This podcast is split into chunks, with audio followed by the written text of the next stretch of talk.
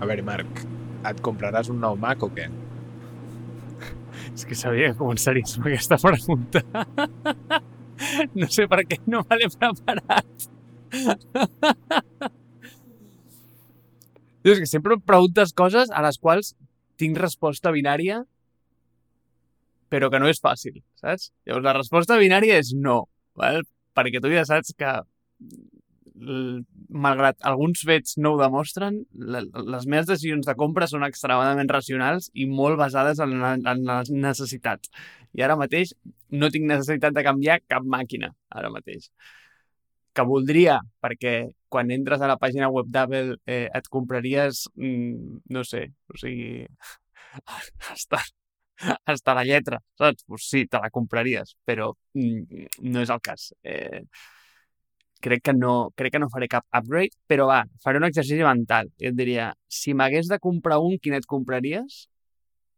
I crec que jo em compraria un MacBook Air. Per mi. Bueno, és que aquest és el gran... I, uh, avui, contra tot pronòstic, jo penso que serà la persona que anirà en contra d'aquesta keynote i jo penso que aquest, aquest és l'únic ordinador que et pots comprar dels tres que van treure. Bueno, el Mac Mini, vull dir, el Mac Mini bueno, el Mac Mini deixa de tenir sentit amb l'M1, penso jo, amb, amb dos ports, però jo penso que és, és l'únic que té sentit aquí. No? És a dir, estem... Apple... bueno, anem a ficar una mica de context perquè això és el primer roba estesa. Roba estesa vol dir que Safareig anirà una mica més llarg i analitzarem una mica l'event d'Apple que va passar el, el dimarts dia... quan? 10? El dimarts dia 10 on van llançar bàsicament el seu primer chip d'Apple Silicon, eh, que es diu M1, i després van treure tres ordinadors. Un MacBook Air basat en l'M1, un MacBook Pro basat en l'M1 i un Mac, un Mac Mini basat en l'M1 també.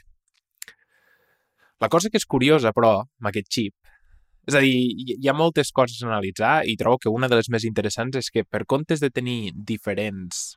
És a dir, és un xip integrat que té la RAM integrada, la GPU integrada, la CPU integrada, i ho té tot integrat, el Neural Engine integrat, i així tu fas que quan tu hagis de fer algun càlcul no necessitis agafar i tenir aquesta memòria eh, ocupada per eh, anar parlant amb tots els diferents dispositius, amb, els, amb tots els diferents iOS, sinó que ho tens tot dins d'un xip integrat i això fa que et vagi molt més ràpid. Per tant, quan tu mires el, el, el benchmarks, d'específicament de, els xips uh, d'Apple Silicon, que estan basats en uh, ARM, ARM, uh, veus que van molt més ràpids i són molt més eficients. Llavors, molta performance i molt baixa, baixa bateria. Tot i així, el que és interessant és, com que només en van treure un ahir, de xip, l'M1, clar, tens dos tipus d'ordinadors. Tens el MacBook Pro i tens el MacBook Air però els dos fan servir el mateix xip. I la única diferència entre els dos, la única diferència entre els dos, és que un té un ventilador i l'altre no. Llavors, per què? Quina és la raó que et faria comprar un MacBook Pro? Eh, mira, és que ja està pensant sobre el tema, eh? No, no creguis. Aquest jo crec que és l'episodi que més m'he treballat però en el meu cap, com si diguéssim. O sigui, he fet menys research però més l'he treballat a, a dintre meu. Però abans, eh, deixa'm donar-te un parell de follow-ups sobre el que has dit. Eh, primer, sobre el roba estesa. M'agrada molt aquest concepte de que puguem tocar temes com més sensibles a temporalitat, és a dir, com més eh, calents, d'alguna manera, sense que tinguin aquesta transcendència social tan gran com els que altres estem fent. Això no vol dir que vingui aquí a sortir Belén Esteban, saps? O sigui, no, no, no farem eh, cap cosa d'aquestes, eh, ni, ni, ni molt menys. Eh, I és que una, una de les coses que m'agradaria evitar és el, el caure molt amb la... Eh, tio, com amb el, amb el hero of the moment, saps? Com en, no sé, com en aquest... Eh, ei, que ha passat això, volem parlar d'això i que aquest episodi ja no tingui valor dintre de, mm, no sé, m'ho invento, pues, eh, sis mesos. Eh, crec que aquest punt, aquesta temporalitat, eh, la tenim que jugar i li tenim que donar com un angle també de més de transcendència, vale? i crec, que, crec que ho farem, eh? eh i, I la segona és, ei, no sé si ho recordes, eh? però això, o sigui, el que estem fent exactament avui és el gènesis de Safreig, eh? O sigui, quan quedàvem per digue-li esmorzar, digue-li whatever, eh, preconfinament, pre-tot, anàvem a parlar d'això i espero que no ens passi el que ens passava llavors, que és que no mai acabàvem parlant d'això sinó parlant d'una altra cosa. Així que avui ens hem d'assegurar que estem parlant de, de l'Apple Event. Eh? Ara t'anava a dir, de fet, penso que no hem parlat mai de, de cap cosa específica d'Apple. Específicament sentant-nos en una taula, és a dir, quedàvem per això i això era l'excusa, però jo penso que no, no hem parlat mai específicament d'això. Per tant, estarà bé mm, sentir la perspectiva també, de veure com ho veus. Si tu vols començar ja directament, per eh, quin per tu és el motiu que, que et faria passar, eh, que et faria comprar un MacBook Pro sobre un MacBook Air ara mateix, no? Un moment. De fet, jo tinc molts punts a tocar en aquest capítol. El primer és les keynotes i el nou format de la keynote. Això mm, em sembla interessantíssim i he estat pensant bastant i he estat, he estat parlant amb bastanta gent sobre això. Aquest és el primer que vull tocar. El segon que m'agradaria tocar és la transcendència i la, la, la visió estratègica o, o les portes estratègiques que li, se li obren a Apple tenint el seu xip propi i el per què de què, de què s'ha fet. El tercer és el futur del xip, és a dir, ara està molt bé, ho han vist amb dispositius totalment integrats, que tenen la seva GPU integrada, que tenen la seva CPU integrada, que eh, Apple pot tenir tot el màxim control. M'agradarà veure això com ho fiques amb un bitxo com l'iMac. I quatre, m'agradaria tocar el tema específic de la diferenciació entre els ordinadors que té Apple ara mateix. És a dir, eh, trobo que té molt sentit el MacBook Air, no té tant sentit el Mac Mini i el MacBook Pro eh, en el context de la Keynote. Em sembla perfecte i superordenat. És a dir, primer parlem d'aquests nous formats que estan havent, que és, eh, tio, és, és, és divertit com els estan jugant i com han evolucionat amb només quatre keynotes, que han sigut així com remote. Eh, després mirem el per què d'aquesta transició i quina transcendència té. Després mirem endavant i busquem una mica on està el futur d'aquest eh, d'aquesta evolució i cap on es dirigeix i què pot permetre i finalment fem una mica de gossip de, del keynote i del line-up i de veure si això té sentit o no. Així que vinga, eh, parlem del keynote, que és interessant. A veure, el keynote. Jo, jo estava mirant a principis de setmana, et vaig passar una foto de, de la keynote de iLive del 2008, just després d'anunciar de, l'iPhone. És a dir, una de les keynotes probablement més amb, amb més transcendència de la història d'Apple, tot i que ja et vaig dir que a mi la manera d'anunciar l'iPhone no em va agradar, però bueno, això és, és un altre tema. Um, o sigui, no em va agradar la part específica dels tres dispositius i tal, però bé, uh, estava mirant aquella keynote i veia a una persona, que era l'Steve Jobs, que no anunciava el, a, els nous productes i les noves coses amb les que havia estat treballant Apple, sinó que el que feia era ensenyar-te les coses. És a dir, a iLife hi havia...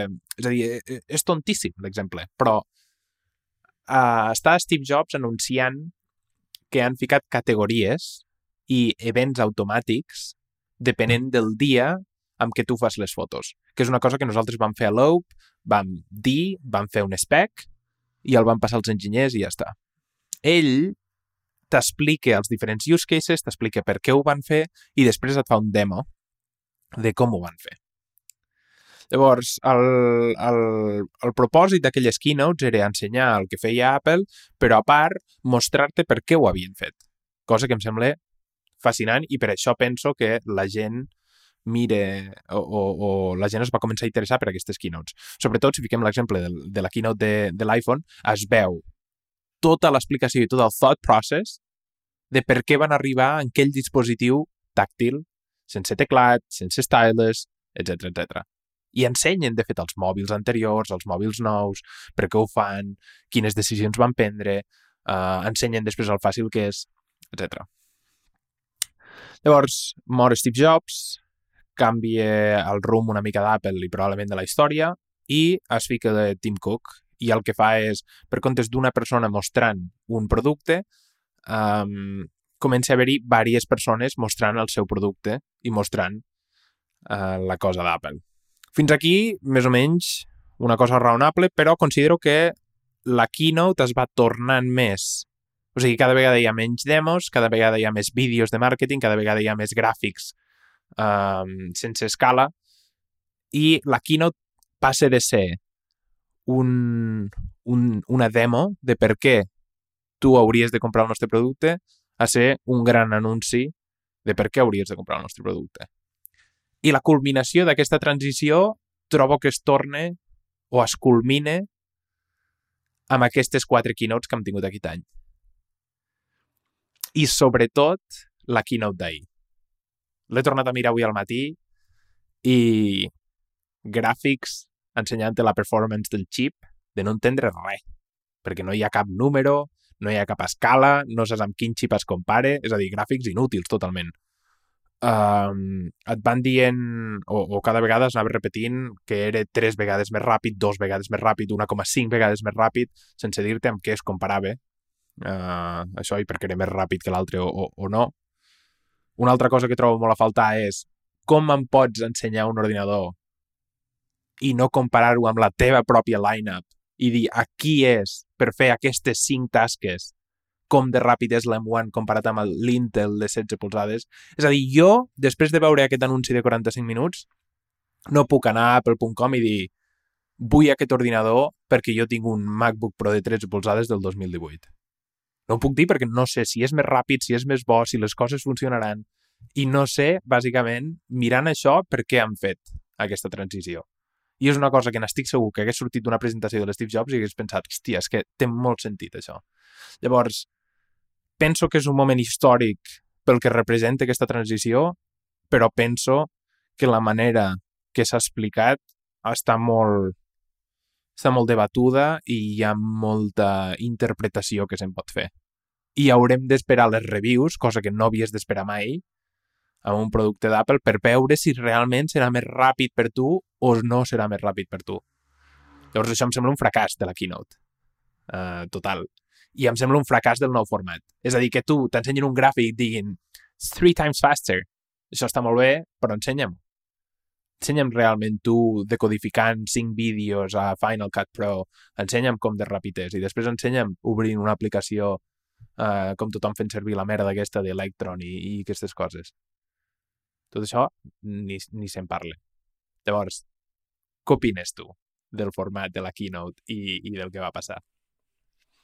O sigui, deixant de banda de què és el que m'agrada o el que no m'agrada, i perquè això són gustos personals, eh, penso que aquest format és exactament el que Apple necessita per al que Apple és ara. I has posat un, un exemple molt bo. Val? Eh, Tio, Steve Jobs era un tio de producte. O sigui, Steve Jobs podia haver sigut un product manager, entre cometes. Eh? Mm, Tim Cook és un tio d'operacions.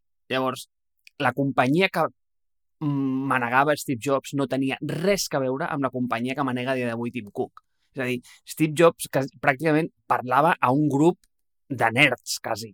El, el nicho que tenia Apple llavors era literalment un nicho. Apple era una companyia gran, però eh, era una companyia que es podia permetre la concessió de dissenyar per un vertical, per un vertical d'usuaris que tenia super clar.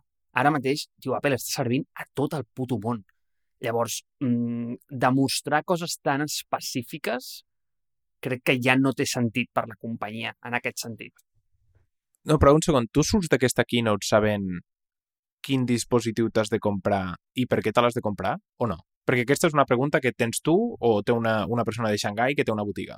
No, però aquest és el punt, Ramon. O sigui, tu i jo hem vist aquesta keynote, però molt poca més gent l'ha vist. Aquesta keynote és un show, ara. És una pel·lícula, quasi. I crec que, sincerament, eh, els hi ha anat molt bé, els hi ha anat molt bé el fet de que això s'hagi mogut al remote. Perquè qui els havia de dir que aquest Apple Campus el que seria seria com un set de rodatge de la rehòstia perquè allò no l'està fent servir ni el Tato, però, hòstia, eh, clar, mm, unes transicions, unes imatges, i, i amb això és on volia anar també. Tio, s'han o sigui, s'han agradat molt en aquest, dintre aquest format, perquè si tu et mires les quatre que hi han hagut, la WWDC de juny fins a, a, a, a aquesta que ha passat amb, el, amb, el, amb els Macs, ostres, l'arc de lo diferents que són cada una entre elles eh, veus com, uau, com s'han anat agradant amb el nou format. O sigui, la primera era com una mica defensiva. Era dir, hòstia, mira, tio, eh, això del Covid m'ha agafat a contrapeu, eh, vaig a fotre aquesta keynote així en remote. Però realment les últimes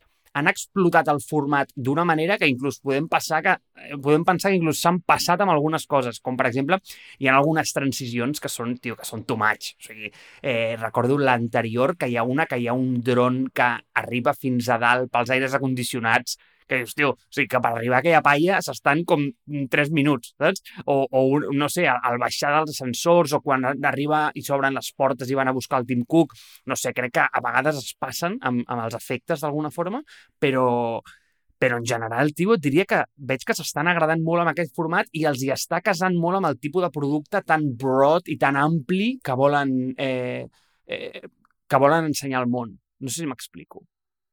T'expliques, però eh, no, no estic d'acord amb la premissa de que això és una cosa que només mirem quatre persones. Estic mirant les estats només a YouTube, 55 milions de streams al de l'iPhone, 8 milions de streams de moment al, a l'event d'Apple d'ahir, 21 milions al vídeo de Behind the Mac Greatness, 21 milions en un dia. És a dir, això és, o sigui, això és una bogeria. Um, I a part que està sortint a tot arreu. Està sortint a TechCrunch, The Verge, està sortint a, està sortint a absolutament tot arreu.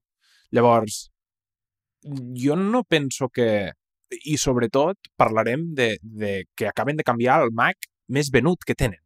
Han canviat el MacBook Air, que és el Mac més venut que tenen. És a dir, la gent anirà a l'octubre, ai, perdó, al, al desembre o al Black Friday a una Apple Store i es comprarà un Mac amb un processador ARM sense tenir ni idea si les coses li funcionaran, sense tenir ni idea de si s'hauria de comprar aquell ordinador o s'hauria de comprar un Intel, i Apple no t'ho ha explicat, això. I Apple no t'ho explica a la pàgina web, això.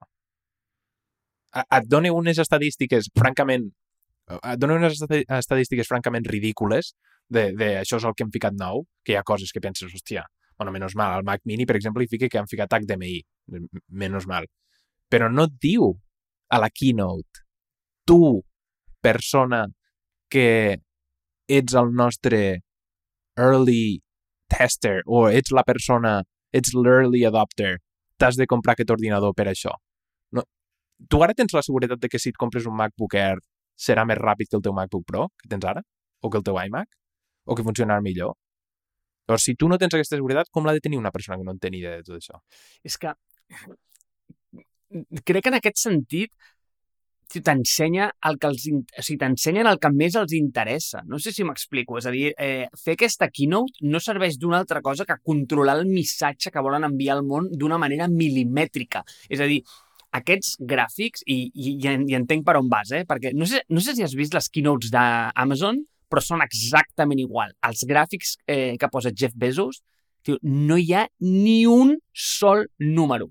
És tot una línia que dius, a veure, tio, o sigui, explica'm amb quin és el benchmark, amb com ho estàs comparant. O sigui, això és com eh, anar absolutament en contra d'un plot, no? d'un gràfic, però és així, tio, volen controlar el missatge i ells, amb què volen que et quedis? Volen que et quedis amb què és un 3x performance, volen que et quedis amb què és un, eh, no sé, 25% mm, of the memory usage, el que vulguis. Eh, I ells et donen com aquests nuggets, no? I, i, i crec que abstreuen tota la informació que poden per enviar-te el missatge que tu vols. Llavors, a la resposta de tu estàs segur de quin ordinador et compraries ara mateix, és que quan ho estàs? És a dir, amb la line-up que hi havia abans, jo sincerament tampoc ho tenia ultra clar. I si vols podem parlar dels conspiracy theories, aquests que hi han, de que eh, sí, vale, ara han tret aquest amb l'M1, que és el que té dos Thunderbolt Sports, el del MacBook Pro, i eh, això dona lloc a perquè més endavant aparegui aquest mm,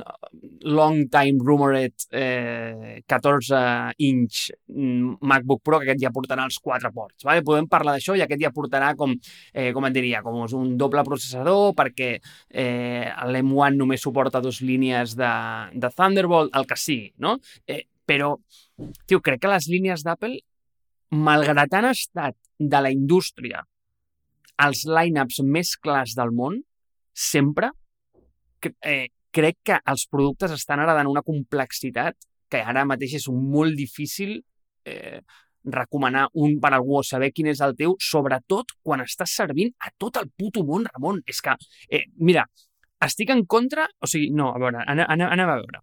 Estic en total favor del teu discurs. Això hauria de ser més clar. Això s'hauria d'entendre millor. Però també és que s'ha d'entendre que són productes, tio, que tenen una escala que, tio, és que han d'estar adaptats a totes les necessitats. O sigui, pensar que podem servir a tothom amb un iPhone one size fits all de 3,5 pulgades històric que va eh, posar a la venda Steve Jobs, a dia d'avui, tio, és, és, és irreal, és irreal. I no hi ha absolutament cap marca que estigui servint en, aquest, en aquesta escala que tingui un line-up més clar que el d'Apple. I sort anant a comprar un mòbil a Samsung, que et vagi bé, que et vagi bé comprant una pantalla LG. Entra a la seva web i disfruta. Eh, tio, o sigui, és complicadíssim, és dificilíssim fer això. I crec que ara mateix qui està fent com la millor entre feines més o menys me mediocres és Apple. I deixa'm que et digui que estic segur que Apple té dintre de la seva com força laboral eh, un equip de màrqueting bastant més intel·ligent que nosaltres eh, que ens duplica mm, no només amb, amb brain power, però també amb, amb número. O sigui, eh, és com és un exèrcit, literal. I, tio, han d'estar pensant en això i han d'haver-hi unes causístiques, eh, han d'haver-hi uns constraints, han d'haver-hi com unes limitacions per tot arreu eh, que arribar en aquest nivell de simplicitat de dir, mira, noi, tens el Air i llavors tens el Pro. Hem començat per aquí. Doncs, pues, escolta, no sé que és good enough, saps?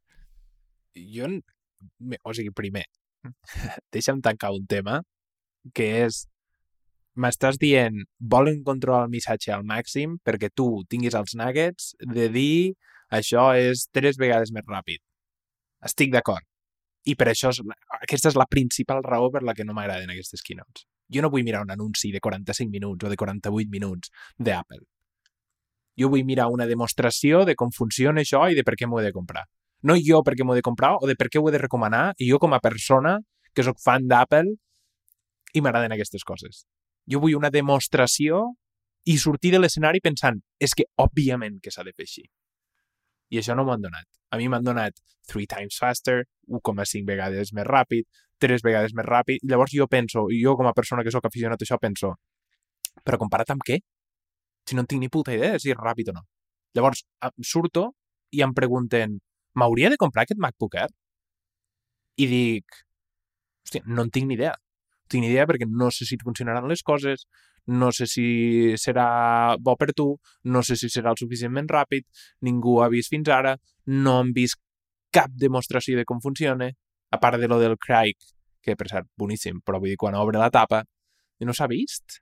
I, I un vídeo de com s'obren quatre aplicacions. No s'ha vist res. No han vist res. Han vist quatre vídeos. I, re, i, i gràfics. And this is four times faster. Però. Mm, és que estic d'acord amb el que dius, malgrat penso que tu i jo som els user persona de l'Apple de l'any 2007. No la de l'Apple del 2020. No anymore. Ja no més. Ja, ja no. O sigui, eh, el seu user base ara és tan ampli que ha de contemplar tantes realitats que donar com un, un missatge d'aquest tipus és... Tio, crec que és contraproduent. O sigui, eh, no és que els defensi, eh? No és que els defensi, però és que entenc per on van. O sigui, jo crec que faria el mateix en la seva posició. D'acord, perfecte. Llavors, el Guifré, el senyor Guifré, se'n va a l'Apple Store demà i diu, mira, jo tinc un MacBook Pro de 16 polzades que em dedico a editar vídeo. Quin ordinador m'he de comprar? Vale. Gran, pre gran pregunta.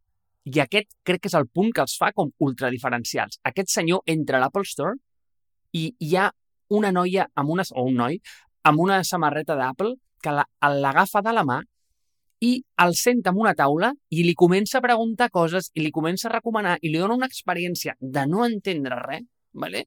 i li diu, noi, l'ordinador que t'has de comprar és aquest, perquè també et dic, també et dic, si tu et vols comprar un Microsoft Surface, entra a la seva pàgina web, el senyor Guifre que entri, perquè el primer que farà serà que no sabrà navegar dintre la pàgina, saps? Eh. Bueno, això és una altra cosa, però, o sigui, a, a, tu t'has sentat mai? És un desastre quan et senten i t'intenten explicar specs que no en tenen ni idea no, un segon, espera. No, no, no. Les botigues estan tancades. Entres a internet. Quin ordinador t'has de comprar? Entres a internet, mires a la pàgina i llavors, què van fer d'alguna manera? Cap on anava el MacBook Air eh, posicionat? Doncs mm, tu vei, quins user case veies? Perquè això en vas veure molts, en vas veure moltíssims. Et van deixar claríssim que si tu eres un heavy user eh, editaves vídeo, eh, compilaves aplicacions, programaves, whatever, el teu ordinador era el Pro. Si tu eres més un, eh, eh, no sé, com un usuari casual eh, per mirar internet, battery life, movies, mm, això, el teu ordinador és l'Air eh, jo, jo crec que fan la distinció a aquest nivell, perquè si ells et diuen que, ah, no, mira, aquest ordinador en el Geekbench està traient eh, 4.500 punts i l'altre està traient eh, 3.200. Mm, no ho sé, eh, tria quin vols. Eh, tio, això és super confusing. Crec que l'única manera com de separar això és per posar use case. I, i ells estan segmentant claríssimament en allà. Llavors jo et diria, home, pues, si jo ara em tingués que comprar un, pues, eh, pues clar, pues, eh, si fos com una decisió extremadament ordenada i, i, i com venint des de fora, doncs m'hauria de comprar el Pro. Però llavors, entres tu i em dius, no, és que l'Air és millor màquina ara mateix. I jo també estic d'acord. O sigui, pel, eh, per les meves necessitats, ara mateix jo possiblement em compraria un Air, però ningú ha, ha fet el raonament de mirar eh, si és el mateix xip, eh, quan o no afecta el tema del fanless al performance. Diu, això la gent li és igual. És que no... És que, és que, és... És que no estic d'acord que li sigui igual. Aquesta gent, o sigui, una gent que va comprar... Mira, estic mirant, uh, estic mirant la pàgina de l'iMac Pro i jo trobo que un dels, dels últims ordinadors que van ser, que ho van petar i que Apple ho va fer realment bé amb això. Estic mirant la pàgina del, del, de l'iMac Pro i, i estic veient, un segon, parèntesi, m'agrada molt el, el concepte de estar podent consultar coses mentre parlem, perquè, perquè em pot donar, em dona informació de la que vaig parlant, que és una cosa que no teníem quan quedàvem al principi. Però estic mirant, Autodesk Maya 2018, uh, amb un iMac Pro de 18 cores, et va 3,4 vegades més ràpid que un iMac normal del que puguis tenir ara, perquè probablement la persona que vulgui un iMac Pro té un iMac ara. Fantàstic. Si tens un iMac Pro Radeon Pro uh, o un, un iMac Radeon Pro 580 baseline, és a dir, el baseline que venem, i tu estàs fent servir Maxon Cinema 4D, et anirà 1,8 vegades més ràpid. Perfecte. Build time, uh, a Ninja o a Clang o el que sigui, si tens un, un iMac Baseline, et anirà d'aquesta manera. I si tens un iMac Pro de 18 cores, et anirà d'aquesta altra. Això és el que vull saber. Aquesta és aquesta taula que jo vull saber. Com compare un M1 amb un Intel? No ho sap ningú com compare això. No ho sap ningú. Només sabem que el uh, most selling fastest chip for Windows va a aquesta línia i que l'altre va a aquesta línia. No tenim ni idea. És que no estic d'acord o, o, o, o fins i tot, un segon, anem a parlar del MacBook Air i el MacBook Pro. Quan compraries un dels dos? És que no té cap sentit. Em dius que la línia està al més streamline possible i tens dos ordinadors que són iguals, un té un ventilador i l'altre no. Diferència entre els dos. Per què, per què has de comprar un o l'altre? Mateixos ports, mateix pràcticament pes, mateixa alçada, pràcticament. L'únic que tenen diferent és la touch bar, que te la pots quedar, i, i, i, i, un, i un ventilador. I això fa que hi hagi una mica més de bateria. D'acord? I que pugui sostenir workloads de manera molt més sostinguda perquè, perquè té més cooling. D'acord, perfecte, t'ho compro. Quina és la diferència? I com és que val 300 dòlars més l'un que l'altre? Pel ventilador? O sigui, la diferència eh, l'has pintat ja, o sigui, ja has vist quines són la diferència, llavors bàsicament la diferència és que si tu vols sostenir eh, altes càrregues de, de computació durant més temps, un t'ho permet, l'altre no, val? però jo el que et dic és que, a veure, Ramon, o sigui, si a la gent realment estigués tan preocupada com tu i jo per la transició a ARM, val?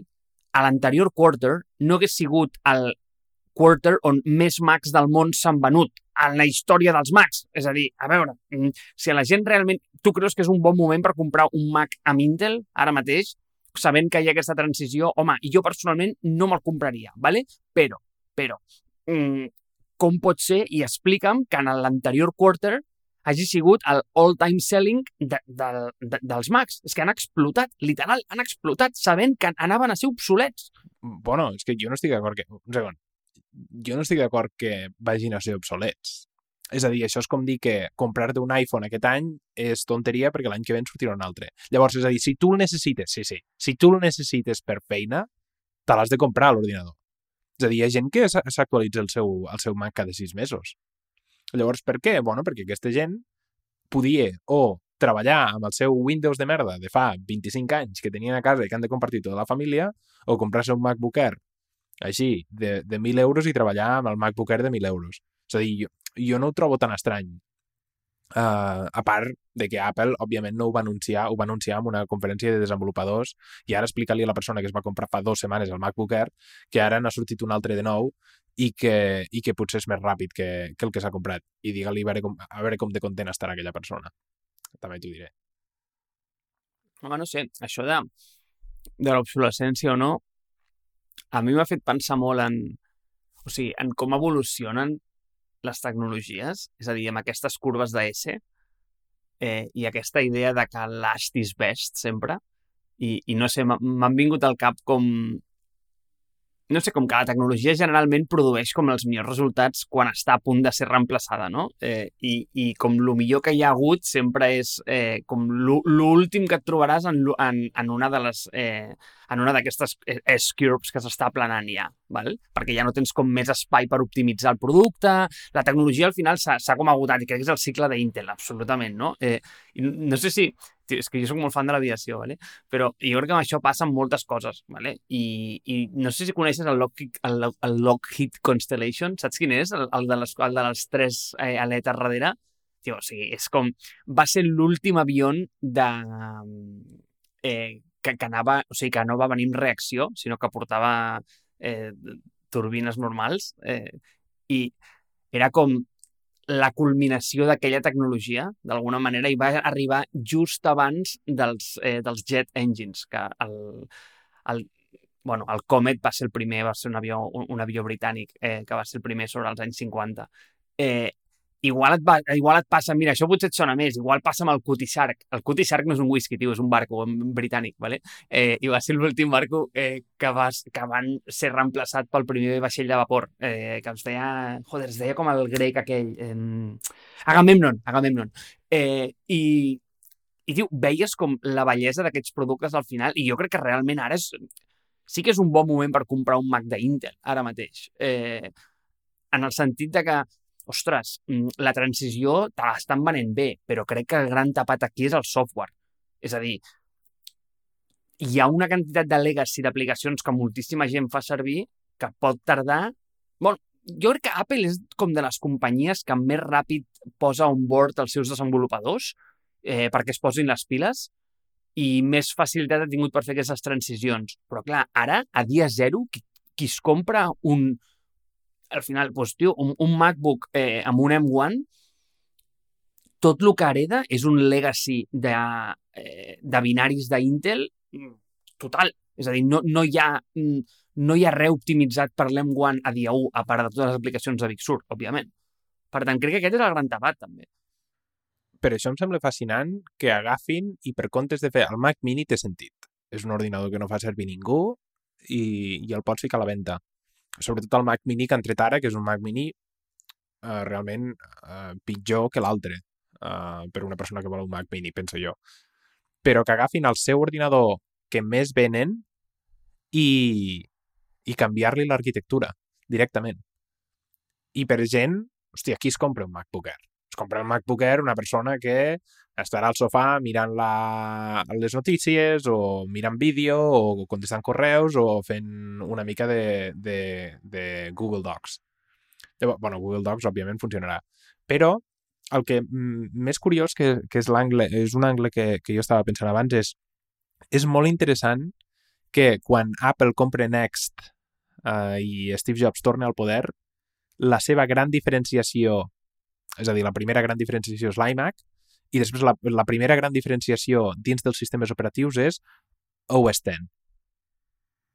OS X i Windows es tornen a desenganxar i tornen a ser dos sistemes operatius totalment diferents, un mm, basat en un, en una arquitectura i l'altre basat en l'altra. I ara, la gran diferenciació dels sistemes operatius, per mi, penso, és, és el chip per Apple. Ja no és el software. A part d'iPhone, una mica si vols, o a iOS, però sobretot per Mac trobo que és interessantíssim pensar que eh, hi haurà certes coses... És a dir, és una aposta molt gran que jo no veia al juny i com més hi penso, més veig que l'aposta d'Apple és pot sortir bé o pot sortir malament. Sortir bé vol dir que molts desenvolupadors diguin sí a aquesta arquitectura i s'hi fiquin, que surti malament vol dir que els desenvolupadors no s'hi fiquin i els usuaris no puguin fer córrer les aplicacions que ells volen. I m'agradaria tancar aquest, aquest tema abans de que parlis tu dient que m'està semblant molt interessant el fet de que, bueno, és a dir, primer que puguis fer córrer qualsevol aplicació de iOS, de iPadOS, i, etc i que tot tingui una, una mateixa arquitectura, però cada vegada més penso en una cosa que, que vaig ficar als, als comentaris i als episodis que, que vull fer, que és com, com cada vegada més les aplicacions universals que funcionen a tot arreu són més importants i com s'està quedant obsoleta la idea d'aquestes aplicacions d'indie Mac developers que només fan una aplicació específica per, per, per Mac i, i penso que Apple no està fent ans al contrari, jo penso que ho està fent una mica més complicat encara sortir i abstraure's d'això i, i està fent que les seves aplicacions que corrin pel, pel Mac no siguin necessàriament natives, sinó que siguin pues això, electrons i, i aquestes coses. I, I això és una cosa que, hòstia, amb aquesta diferenciació encara ho, agre ho agreuges més. És que aquests són dos punts no crec que interessantíssims, sinó següent nivell. O sigui, crec que són la clau de pas. El primer és aquest que has dit tu, però crec que són dues coses diferents, eh? eh encara que estan relacionades. El primer és qui guanyarà aquesta guerra de el futur és un vidre estúpid amb un cloud, mm, amb un performance de la hòstia on puc fer córrer el que vulgui, és a dir, el futur és Google Docs, per dir d'alguna forma, eh, i aquest, aquesta crec que és una guerra que, bueno, pues, tio, pues que Google ha abanderat des de sempre i, i és com el, el seu model de computació, és a dir, tio, eh, compra't l'Android més barat, el Power està en el cloud, tu dona'm totes les teves dades, jo allà ja et faré tot el que necessitis i això t'ho enviaré en el teu dispositiu que no ha de ser res de performance, no? I al final, això què és? Tio, és una companyia de serveis total que no et ven dispositius, bueno, podem parlar dels, eh, dels píxels, però bueno, és un tema marginal, eh, sinó que el que està interessada és en que li donguis tantes dades com puguis, tenir un data center de l'hòstia, fer ja tota la màgia i que això t'arribi al teu dispositiu curat i per tu. I exemple d'això, com d'alguna manera el, el més pictòric d'alguna forma, és el Google Stadia. Tio, realment es pot fer gaming amb zero latència servit des d'un cloud? És, és animal, o sigui, és brutal. Eh, però per un altre dia. O la versió eh, més mm, romàntica d'Apple, de dir, no, no, no, no, no. Tot això que, que Google et dona el cloud, eh, no, no, nosaltres el que fem és que t'ho donem en el dispositiu. Llavors, clar, tu has de comprar el millor dispositiu possible i al final els seus incentius estan en vendre't aquest hardware, no? D'alguna forma. Perquè nosaltres eh, encapsulem les teves dades, fem que no surtin del dispositiu i tota la màgia que Google t'agrega allà en el cloud, nosaltres juguem amb una mà lligada a l'esquena i amb un ull tapat per fer exactament el mateix. I per, per això fem el differential privacy. Eh, encriptem en el dispositiu. I clar, dir, al final, com el seu discurs marca una mica el seu product line, també, no? I que per Apple no té sentit vendre un dispositiu, entre cometes, de merda, perquè al final el discurs que t'estan venent és no, no, el power està aquí, el, el cloud és només un suport per fer una sincronització entre tots ells. Vale? Jo, tio, crec que són com... És molt interessant perquè eh, jo veig com que les tecnologies sempre convergeixen, sempre acaben convergint. En canvi, aquí tens com dos discursos absolutament oposats i és molt interessant entendre quin guanyarà, perquè a dia d'avui no està tan claríssim. És a dir, en el meu cap, com a nivell de, eh, bellesa d'arquitectura, crec que el dispositiu del plain glass és més, mm, és més elegant, d'alguna forma, malgrat, tio, Apple, jugant amb una mà lligada a l'esquena i un ull tapat, eh, no ho està fent tan, tan, tan malament. Eh, vull dir, cony, que s'està defensant mm, d'una forma molt decent. Eh, I la segona cosa, i ara la segona cosa se m'ha oblidat. Ah, sí, no, no, no, el dels developers, tio, super important. Crec que aquest punt està com totalment understated. O sigui, la gent el passa per alt d'una forma acollonant i és una de les coses que més, més com... Tu, tu, com més rellevància tenen a l'hora de, de generar una, una transició. És què fan els desenvolupadors. I un dels grans pains que hi haurà aquí és que els servers, els servidors, no treballen amb una tecnologia de, de 64 bits, treballen amb un x86 de tota la vida. És, de fet, hi ha molts comentaris de, de Linus Torvalds com rient-se a la cara eh, d'aquesta transició, com dient que et vagi bé amb els desenvolupadors eh, puguem, d'alguna forma, abraçar aquesta transició. No? Llavors, crec que aquí hi ha com una tensió super interessant que és cap a quin cantó es mourà la balança. És a dir, serà la gran massa instal·lada de servidors x86 que d'alguna manera influirà que els desenvolupadors segueixin treballant amb x86 i aquesta transició falli? O serà un gran exèrcit de tios amb ARM que liderin el canvi dels servidors i passin a ser eh, els servidors també ARM. És a dir, com que comencem a veure els primers servidors amb ARM. I crec que, mm, és a dir, si jo li explico això al meu pare o a la meva mare no entendrien res, no saben el que és un servidor. Però realment un servidor, tio, és on passen les coses eh, que tu veus en els teus productes, no? I és com, mm, tio, un data center és com la cosa més cara i més eh, capex intensive que tu pots fer un deploy, no? Tio, és, és com, eh, no sé com et diria, tio, és com muntar una ciutat, quasi. Eh, I clar, fer, liderar aquest canvi des d'un exèrcit de desenvolupadors eh, que estan intentant canviar la seva tecnologia ARM perquè els seus ordinadors són més fancy, hòstia, no sé, no sé per on ve el canvi a mi, eh? em costa pensar-ho, eh? és a dir, tio, crec que és un arbre molt difícil de, molt difícil de, de trencar i crec que és el discurs, com tu molt bé has apuntat, que molta gent, tio, està com mm, que no se'n parla, però és, és la palanca de pas, perquè si no, què és el que et trobes? Doncs pues et trobes amb aplicacions Electron, perquè clar, et dius, escolta, què és lo fàcil? Diu, pues fer córrer aquest, això en, en tots els dispositius, mínim cost possible, per mi és un suport i funciona bé. I, tio, o sigui, Electron és que ho fa servir tot Déu. És a dir, equips de desenvolupament de centenars i milers de persones i fan servir aplicacions Electron i et fiques les mans al cap, però és que és normal perquè bàsicament van a buscar cost-benefit anàlisis i, i guanyen aquí, no? Llavors és veure en quin moment tenir una aplicació nativa fa, té sentit per un desenvolupador. Per Sketch, segurament en té, però clar, tio, pregunta-li a Figma eh, com li estan anant saps? No, no, però és un discurs molt és que interessant. no sé si per Sketch, aquesta, és que el vull tocar aquest perquè Sketch és una aplicació Sketch és una aplicació que funciona molt millor, però però eh, estàs veient que la gent està movent a masses cap a, cap a Figma. O una cosa és, és per features i, i per ideologia, però també Lope és una aplicació que és, uh, uh, és Electron, perquè vam, vam haver de prendre la decisió de o estar només a Windows o estar als dos llocs. I, i com que érem un equip petit, doncs, bueno, hem, de, hem de fer aquesta decisió i que l'experiència sigui, sigui una merda, però així el que fas és potenciar o, o no pegar-te aquest tiro, no pegar-te aquest tiro al peu. Però, però a mi em sembla, no sé, em sembla si més no interessant que, que Apple estigui ficant tants esforços. És a dir, em, em, em recau la pregunta de el per què fas, fas això sense donar totes aquestes, totes aquestes facilitats que, que els developers haurien de tenir. Llavors penso, hòstia, és només, només per reduir costos i per poder tenir una arquitectura comuna? És per incrementar les vendes de Mac perquè una de les App Stores més prominents del món, que és l'App Store, pugui estar al Mac?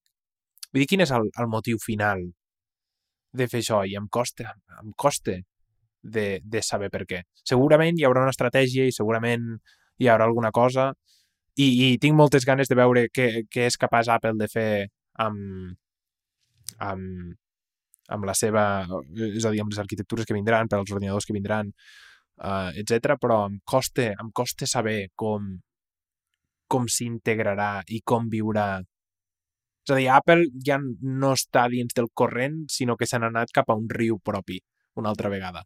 I això és una mica el que passava, és a dir, molta gent es va unir a Apple quan van fer la, el canvi a Intel i ara tornen a divergir. Sembla que tenen més poder ara, però ara tornen a divergir. M'agradaria saber, o m'agradarà veure, si, si és una aposta guanyadora o no. A veure, és que, clar, amb això entres una mica amb el per què han de fer això, no? Llavors, eh, jo quan penso en el per què han de fer això, jo penso com que hi ha tres motius, bàsicament, com molt principals, no? De dir, a veure, primer, que amb aquests A-Series eh, han estat des de ja fa molt temps molt més competitius amb el single core, eh, amb benchmarks, que els ordinadors Intel, però des de fa bastants anys ja. Aquest és el primer. El segon, per mi, és que el fet de que tu integris el disseny i la fabricació dels chips, que és el que fa Intel, tio, et permet al final encarir el producte final d'una manera acollonant.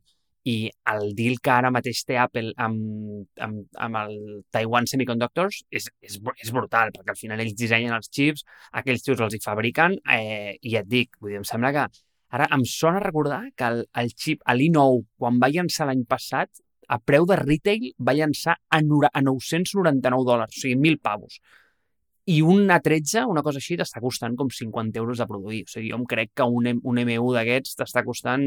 Ui, Déu, és que M1, tio, M1, és que el nom, ho sento, és que no puc amb el nom, tio, perquè mm, dic M1 i és que a Apple això li importa una merda, però, tio, veig el, l'històric de BMW, tio, i, i és que no puc, no puc. I, i quan com això comenci a avançar i, i ja comencin a, a tocar l'M3, eh, l'M5, ja és que, bueno, és que, és que em tornaré boig, però en fi. Bueno, tio, és que... El diagrama depèn de persones que els agraden els ordinadors i persones que els agraden els cotxes. És tan petit que ja, ja vaig veure el Siracusa i coses així dient, oh, tal, i pensava, sou uns... Sí, ho, ho comentaven? Bueno, van ficar, van ficar la foto de quan diu M1, ah. pensa en això, i penses... Hòstia. Tio, és que, és, és que, és que l'M1, tio, és un, tio, és un cotxe tan històric, és que quan el veus, Déu meu, és que et sents igual que quan, quan veus el, el, Shark o, o els avions que té, que té compartit abans, però en fi, tio, és, és molt històric. És igual. Doncs pues això, tio, pues que l'M1 pot estar costant com 75 dòlars, una cosa així, clar, el, el, el cost reduction és brutal. I després, per mi, el motiu, vale? o sigui, com el motiu pel qual han fet això, aquests com han sigut com els precursors, no? Però jo crec que Apple sempre ha estat molt abanderada d'aquesta idea de la integració molt profunda entre hardware i software. I penso que el roadmap que veia en Intel no li permetia treure moltes de les features que volia que, que tenia pel roadmap de, del Mac i d'alguna manera el fet de beneficiar-te d'un millor performance, un millor, eh, una millor eficiència de, en, en el per watt basis, eh, no ho sé, crec que és, eh, crec que és algo extremadament important per ells a l'hora de poder treure noves features tipus Face ID, eh, per favor, a veure si tenim algun Face ID. Eh, ja et dic, vull dir, crec que hi ha moltes coses que els fa únics i que d'alguna manera... És, saps aquella, aquella pregunta que sempre et fas?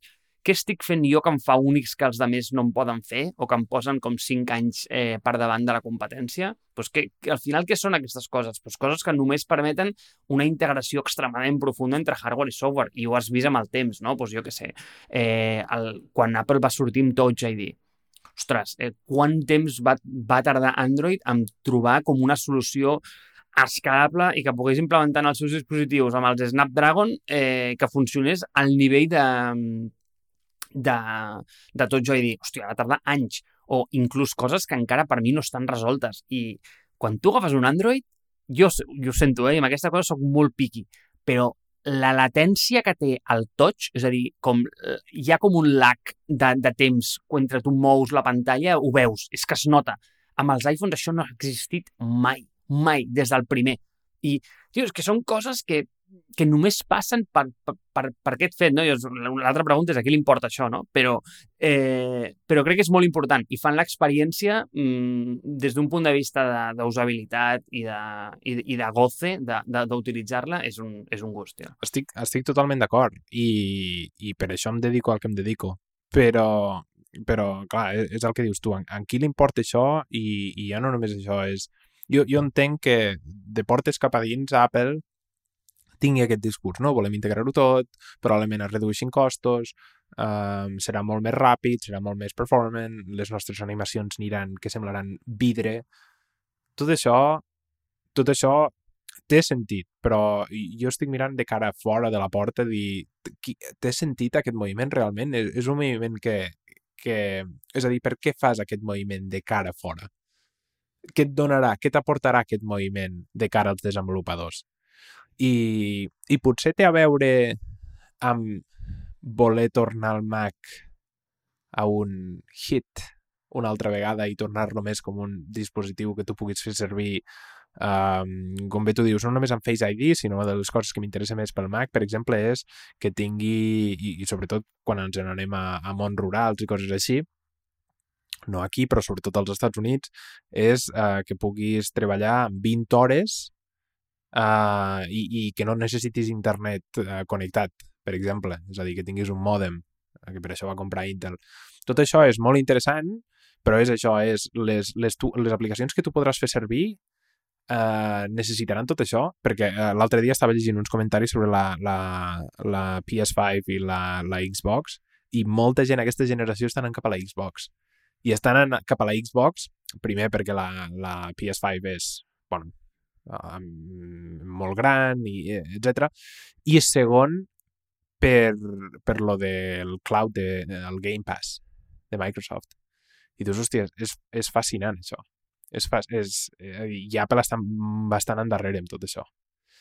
I, bueno, no, està bastant endarrere, eh, està inexistent amb tot això. I, i llavors dius, uh, combinarà, és a dir, Apple continuarà amb aquesta aposta i a veure com li surt. Jo sóc una persona que, que m'interessa molt l'experiència i, i m'hi quedaré, però qui s'hi quedarà? O, o, o serà realment serà realment productiu quedar-s'hi per coses com Photoshop, coses com Cinema 4D. Tota aquesta gent que s'hi dedica i li interessa tant l'experiència s'hi quedarà uh, si ha de fer servir un emulador. I aquesta és la part que no... Hòstia, encara, encara no veig. I, I em preocupa una mica de tota aquesta transició. És a dir, tinc, tinc moltes ganes de veure-ho, eh? I, i des d'un punt de vista estratègic és brutal. Tot i que com t'he dit, tu em defenses o m'estàs intentant defensar que la seva line-up no, no és complicada o és la més simple, per favor, eh? És a dir, algun dia discutirem la line-up d'Apple i t'ensenyaré l'iPad mini, l'iPad, l'iPad Air, l'iPad Pro, els dos tipus d'iPads Pro, després els 6 o 7 iPhones diferents que tenen, els Macs que no s'entén res, perquè encara no m'has dit la diferència entre un MacBook Air i un MacBook Pro de 13 polzades, no s'entén res d'aquesta line-up que tenen. Em sap greu, eh? no s'entén res. Mira, la, la line-up hauria de ser molt fàcil. Hi ha un dispositiu Pro i un dispositiu pel, pel consumidor. Punt. I Pro vol dir Pro. Ja està. És a dir, tu vas a l'iPad i tens l'iPad normal, iPad Pro. Um, vas a l'iPhone i tens l'iPhone normal, l'iPhone Pro. Vas al Mac, tens l'iMac normal, l'iMac Pro, MacBook normal, MacBook um, Pro. Mac Mini, Mac Pro. Ja està. Ja està. Així de fàcil hauria de ser. Punt. No cal més. Vale. Eh, el meu cor està d'acord amb tu, d'acord? Ho entenc. I tens raó, i hauria de ser així. I com la, la, la, la meva part més emocional em diu absolutament, aquesta és la line-up que vull. És aquella matriu de dos per dos que va posar Steve Jobs on estava, mira noi, aquí tens el Pro i el no Pro, ¿vale? i aquí tens el, lap, el, el, el, el desktop i el laptop. Quin és el que tu vols, no? Llavors, mm, aquesta és la line-up que hauria d'haver, i estic d'acord. ¿vale? Malgrat el meu cap em diu que la line-up que hi ha és el line-up més simple que hi pot haver. ¿vale? I per què et dic això? Per què et dic això? Si tu agafes... És que et diré una cosa. El meu cap em diu més que això. Em diu, el line-up que hi ha ara és inclús més simple que el line-up que va presentar Steve Jobs amb la matriu de 2x2. I, et, I ara m'estàs posant una cara de dir, Marc, què collons estàs dient? I t'ho raonaré. Si tu agafes, si tu agafes el user base que tenen aquests productes i el divideixes pel número de que estàs servint, estic segur que el ràtio de dispositiu per usuari és molt més, molt més simple ara que fa 10 anys. Molt més. És a dir, amb quant, amb quin user base estàs servint 8 models d'iPhones? Tio, és ginormous. El primer iPhone era ok, vale, tio, estava servint a 3 milions de persones, 4 milions de persones, ok, vale, ok. Tio, ara, qualsevol d'aquests dispositius està venent ordres de magnitud molt més que el primer iPhone o el segon iPhone o el tercer iPhone que només n'hi havia un. I, I quant has de comprar un iPhone S per comptes d'un iPhone mini? O quan has de comprar un iPhone 12 per comptes d'un iPhone 12 Pro? Clar, però Ramon, és que és això, és que és segons les teves necessitats. És a dir, a veure, No, però, però quines necessitats quines necessitats he de tenir jo per comprar-me un iPhone 12? Ei, ei, a l'iPhone amb la iPhone 12 pantalla més gran va sortir com arrel de, ei senyors, eh, a Xina resulta que ens, ens estan menjant eh, per esmorzar, bàsicament perquè tu, perquè tots els xinos volen pantalles grans i s'estan comprant Samsungs. No sé si m'explico. És que eh, jo crec que aquest punt mm, és que no es pot, eh, és, que, és que no es pot tenir com, com menys tingut, en el sentit de que, collons, és que la gent té gustos diferents. Si tu poses un, un, producte per tothom, és que no pots arribar a tenir l'escala que té Apple. I llavors, ara tu i jo podem entrar a discutir si realment Apple és la companyia que hi havia fa 10 o 15 anys i de, de la qual ens vam enamorar. La meva resposta és no, vale? és no. A mi Apple és una companyia que no em parla d'una forma tan íntima com em parlava fa 15 o 20 anys d'acord? Però ho entenc perquè és una companyia que ha tingut que adaptar-se a les realitats de molta més gent, de, de moltíssima més. I el fet, t'ho diu, Ramon, de que l'iPhone, el salt més gran en ventes que va tenir un iPhone va ser en el moment que es va, mm, que es va posar a la venda l'iPhone 6 Plus, perquè allò va explotar a la Xina, va explotar. I, i, i em dius, hòstia, és que van fer la línia més complexa. Oh, ja, ja, però és que resulta que hi havia gent que, no fer demandava coses diferents. complexa. Aquesta és la cosa, és a dir, van, van dividir. Jo, jo estic d'acord amb dividir, i estic d'acord amb... amb... Jo, jo t'estic dient, ells tenen un, un dispositiu que diuen que és per consumers i un dispositiu que diuen que és per professionals. I estic mirant aquí la pàgina de comparació del 12 Pro i del 12. La única diferència entre aquests dos dispositius és que un grave vídeo a, a 60 frames per second i té una telefoto i l'altre no ho té, això. Aquesta és l'única diferència entre els dos. Llavors, per què jo m'he de gastar 200 euros més amb un iPhone 12 Pro? Si tenen la mateixa pantalla, mateixa mida, pràcticament la mateixa resolució, el mateix contrast, per què jo m'he de gastar 200 euros més? Quina és la diferència entre una persona que es compra un 12 i un 12 Pro? pues mira, Ramon, o sigui, sincerament crec que eh, m'ho has posat molt fàcil, però molt fàcil, perquè el motiu pel qual et compres un 12 Pro és el motiu pel qual Apple, a dia d'avui, és la companyia que és. I t'explicaré el per què. Mm, si alguna cosa apela aquest sentiment de tenir el millor, és un tema absolutament irracional i emocional. I per això veus que sempre Apple ha sigut la companyia més elàstica en preus que hi ha hagut mai i li ha pogut pujar li ha pogut permetre pujar upmarket tot el que ha volgut. Bàsicament perquè, tio, eh, quan una persona de 50 anys es compra un iPhone Pro, se'l compra perquè vol the best of the best. I punt.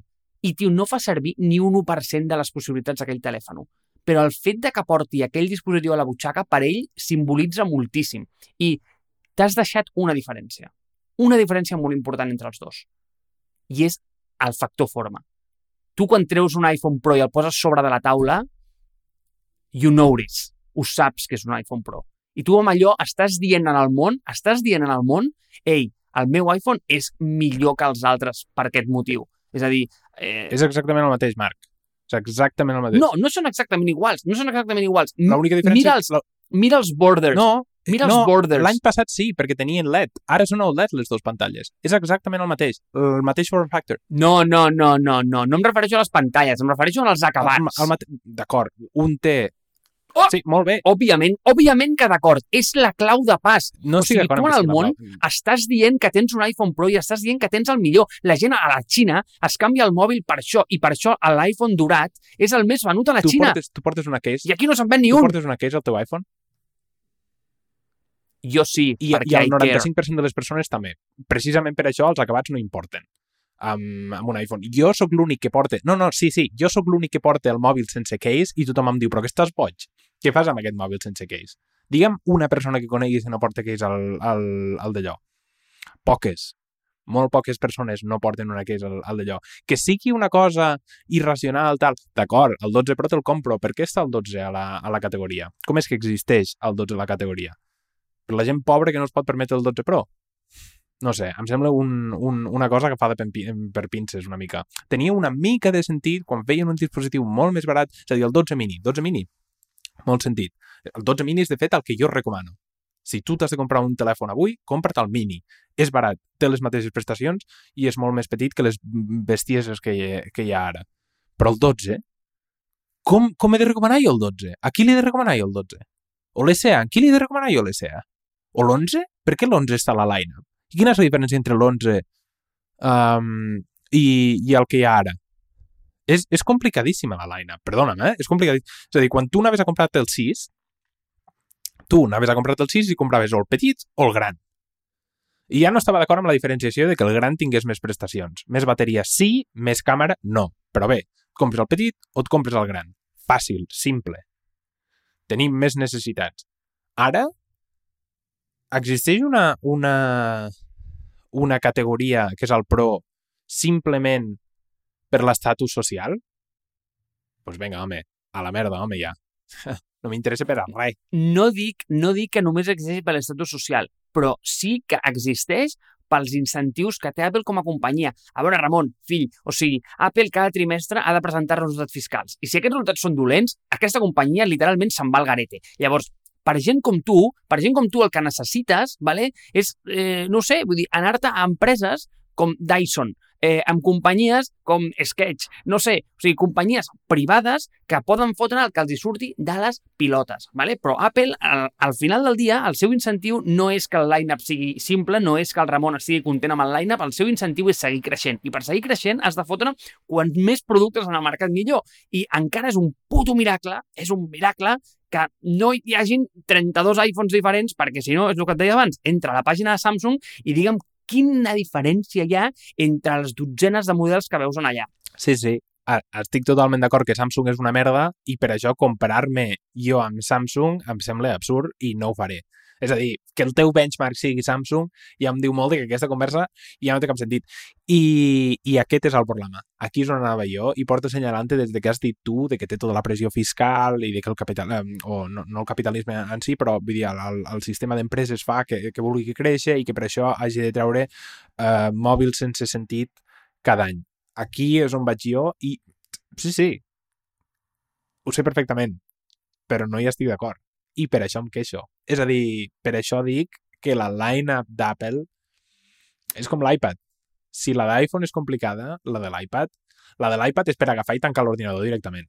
Perquè ara no tens collons a dir-me tu per què t'has de comprar un, un iPad Air per comptes d'un iPad Pro que val 400 dòlars menys. No tens collons a dir-me per què t'has de comprar un iPad Pro. Però no, no, no cal entrar-hi. No cal entrar Tenen les mateixes prestacions, també. Les mateixes prestacions.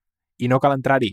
Però però em sembla trist que la manera de fer, i ho has dit tu abans, no? el canvi o la transició de una persona de producte a una persona d'operacions hagi resultat amb tot això. Clar, clar, no, si jo tot això ho entenc, però tu entens que a mi no m'agradi tot això. I que a mi... Jo ho entenc perfectament, jo ho entenc perfectament, Ramon, però jo, la resposta que et dono a això és, és que aquí tens dues opcions. O sigui, opció 1 és fer un buyback de totes les accions d'Apple, comprar-les totes, privatitzar-la i dir, eh, Apple torna a ser una companyia privada, fotem lo que ens surt de les pilotes, o opció 2 és, tio Ramon, és que Apple ja no és més la companyia de la que et vas enamorar. O sigui, tio, és com, eh, no sé, jo no tinc molta experiència en relacions, però això sol passar, no? Vull dir que, tio, t'enamores d'una persona i, i no sé, i com que amb el temps deixes d'enamorar-te perquè ja no és aquella persona que, va, que, de la que et vas enamorar, doncs és que és el mateix. I a mi, jo, jo, jo també ho sento, però malgrat, miro al costat i pregunto, no sé, tio, el, no sé, el xiste de l'Eugenio Gay, saps? Diu, ¿hay alguien más? Però diu, és que no hi ha ningú més, saps? Llavors ara mateix, pues, bueno, penso, hòstia, no és de la que em vaig enamorar, però, hòstia, el mercat està malament, eh? Llavors poder que potser ens quedem amb el que tenim.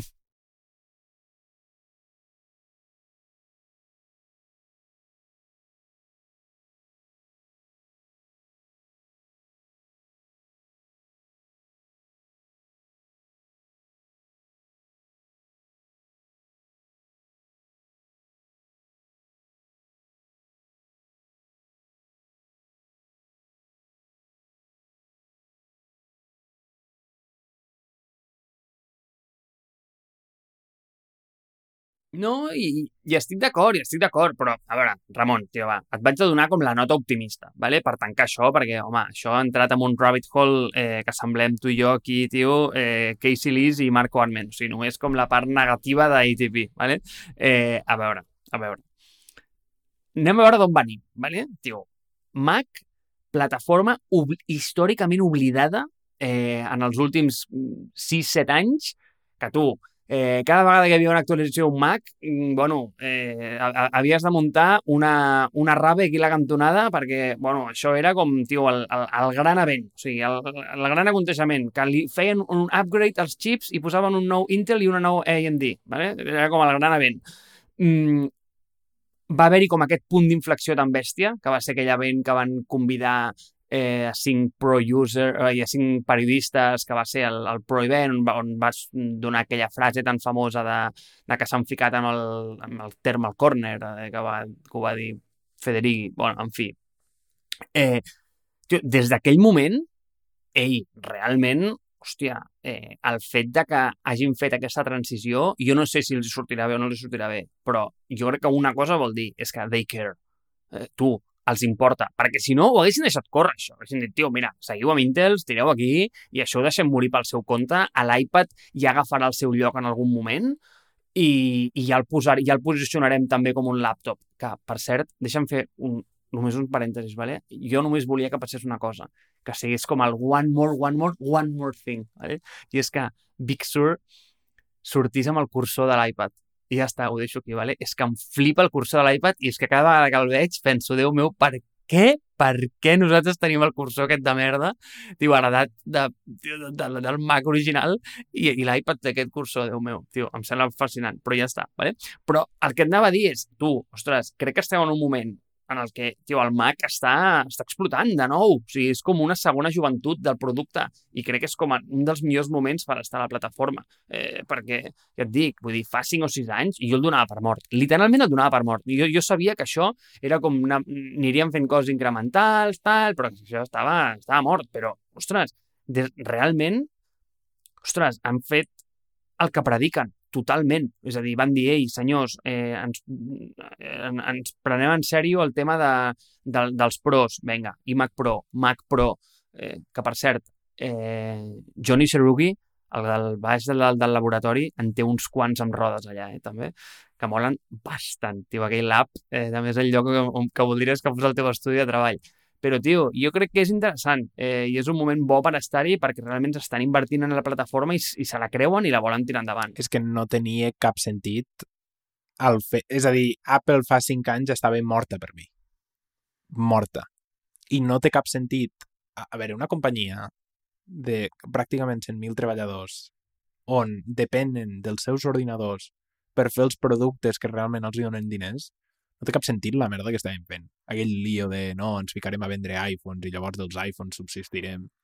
Si no hi ha Macs, no hi ha iPhones. Punt.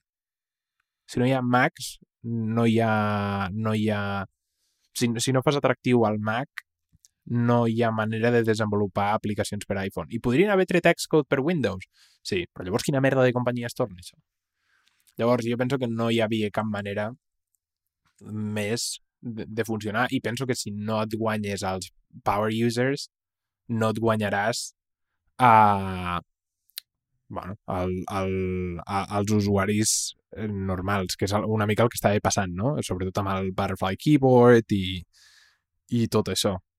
Però bueno, jo només per acabar ja et diré que després d'aquest capítol encara no tinc collons de dir-te si el meu MacBook Pro de 13 polzades i 32 GB de RAM és millor o pitjor que el MacBook Air o MacBook Pro amb M1 de 16 GB de RAM. No en tinc ni idea i em penso que no ho sabrem fins que algú tregui una review i fiqui comparacions de veritat i no aquestes gràfiques que no tenen, no tenen cap sentit. Mentrestant, a mi si el, el meu pare o la meva mare em pregunta quin s'han de comprar, sempre els recomanaré el MacBook Air. Ara mateix em sembla el producte per comprar. Veus? El MacBook Air té una mica més de sentit, perquè han eliminat tot el... És a dir, és l'única és l'única cosa que queda, no? És a dir, és l'únic nicho que queda. No tenen res d'Intel, mm, vull dir, no, com diem nosaltres, no tens més collons. Vull dir, si vols un MacBook normal, t'has de comprar un MacBook Air. No tens més collons. Però parlant dels pros, hòstia, es torna molt més complicat, eh? I, i, i la raó per la que et compres un Pro ja perquè té un ventilador. pues diràs, jo no vull un ventilador. Està un ventilador. Mm, no, però, Ramon, jo crec que també aquest és el motiu pel qual han començat la, la transició per aquí, no? O sigui, el low-hanging fruit era aquest, claríssim. Era, era, era el MacBook Air. I, i crec que bueno, han volgut donar com un pas més, dient, mira, doncs, també podem fer això, i crec que han posicionat, eh, ja et dic, com el Mac Mini i el MacBook Pro de 13 pulgades amb dos ports, és a dir, com la versió subpart del MacBook Pro, eh, amb aquest M1.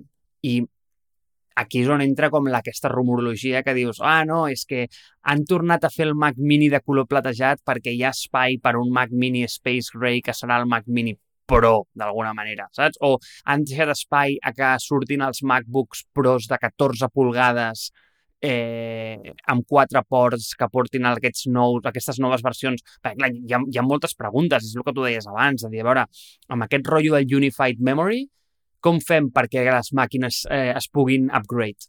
Eh, tu puguis posar-li més RAM. Aquestes màquines deixen de ser expandibles ja, perquè la memòria va soldada al soc. És impossible que tu puguis treure allò. És a dir, hi ha molta gent que jo, és que inclús jo, per exemple, el meu iMac, mm, jo el dia que vegi que la cosa es queda petita, eh, jo li faré un upgrade de, de, de RAM, estic seguríssim. Però clar, aquí això mm, està fora, està fora de la conversa, llavors això es té que veure exactament com es treballa, perquè aquí no hi ha un, un slot de memòria separada que és RAM. No, no, no, aquí va tot el Unified Memory. Clar, vull dir, han, a mi m'agrada molt el que han fet en el sentit que és un moviment molt Apple, sinó que han posat un munt de complexitat en una capa d'abstracció altíssima. Eh, I em sembla com super interessant el moviment. És a dir, ja et dic, eh, vull dir, et pot agradar més o menys, eh, però em sembla super interessant el No, moviment. no, és el, el moviment estic d'acord i jo trobo que han tirat els daus d'una manera brutal aquí, agafant l'ordinador que més es ven i, i fent la transició i començant-lo per aquí. Això em sembla brutal. Em trec el barret. I, i penso que la gent que, que s'obre l'iMac i, i es sol de més RAM a la placa sou tres i, i viviu a tres punts del món diferents. Vull dir, xapó per vosaltres, escolta'm, molt bé per vosaltres, aneu a la botiga i compreu-vos un altre ordinador, que vull dir, m'entens? El necessiteu per treballar. Sou ferroqueries aquí, obrint ordinadors i tal. vull dir, em sembla... Això, no, veure, però és que no Com es nota que no ho has fet mai? Però què et penses? Però què et penses? Que, que, que traiem el soldador amb, amb el amb l'estany o què, noi? Tu, que, que, que, que, que, que, que es posa, es treu, eh, xato? O sigui, que no és tan complicat, eh? Sí, sí. Tio, obres, hi ha dos tornillets aquí maquíssims, obres, treus les veies, poses els nous slots i ja està. És que no l'has de portar ni a la botiga, Perfecte, eh? perfecte, fantàstic. Escolta'm, continueu fent-ho vosaltres, els, les tres persones que teniu els tornillos especials per obrir l'iMac i, i nosaltres aquí ja ens anirem comprant ordinadors decents. A a part de que la gent està molt mal, molt mal acostumada amb, amb, amb els Windows i les coses. Però bé, escolta'm, uh, tallem-ho aquí, que hem fet el doble del que dèiem que, que hauríem de fer. Um, ex excitat, però una mica una mica trist pel context. Uh, aquest és la, el meu resum. Tinc ganes de veure com evoluciona això, tinc ganes de veure quin és el futur, però el context no és el, no és el millor. I, i el posicionament d'Apple és, és una aposta molt gran, cosa que m'agrada, que, que una empresa així faci apostes així de grans encara, però, hòstia, pot sortir bé o pot sortir malament, eh? I, i no ho tinc clar. No ho tinc clar. Molt bé, Ramon, doncs va. Deixem tancat el primer roba estesa. Vinga, va. Parlem, parlem el dijous que ve. sobre TikTok una altra vegada. Vinga, tio.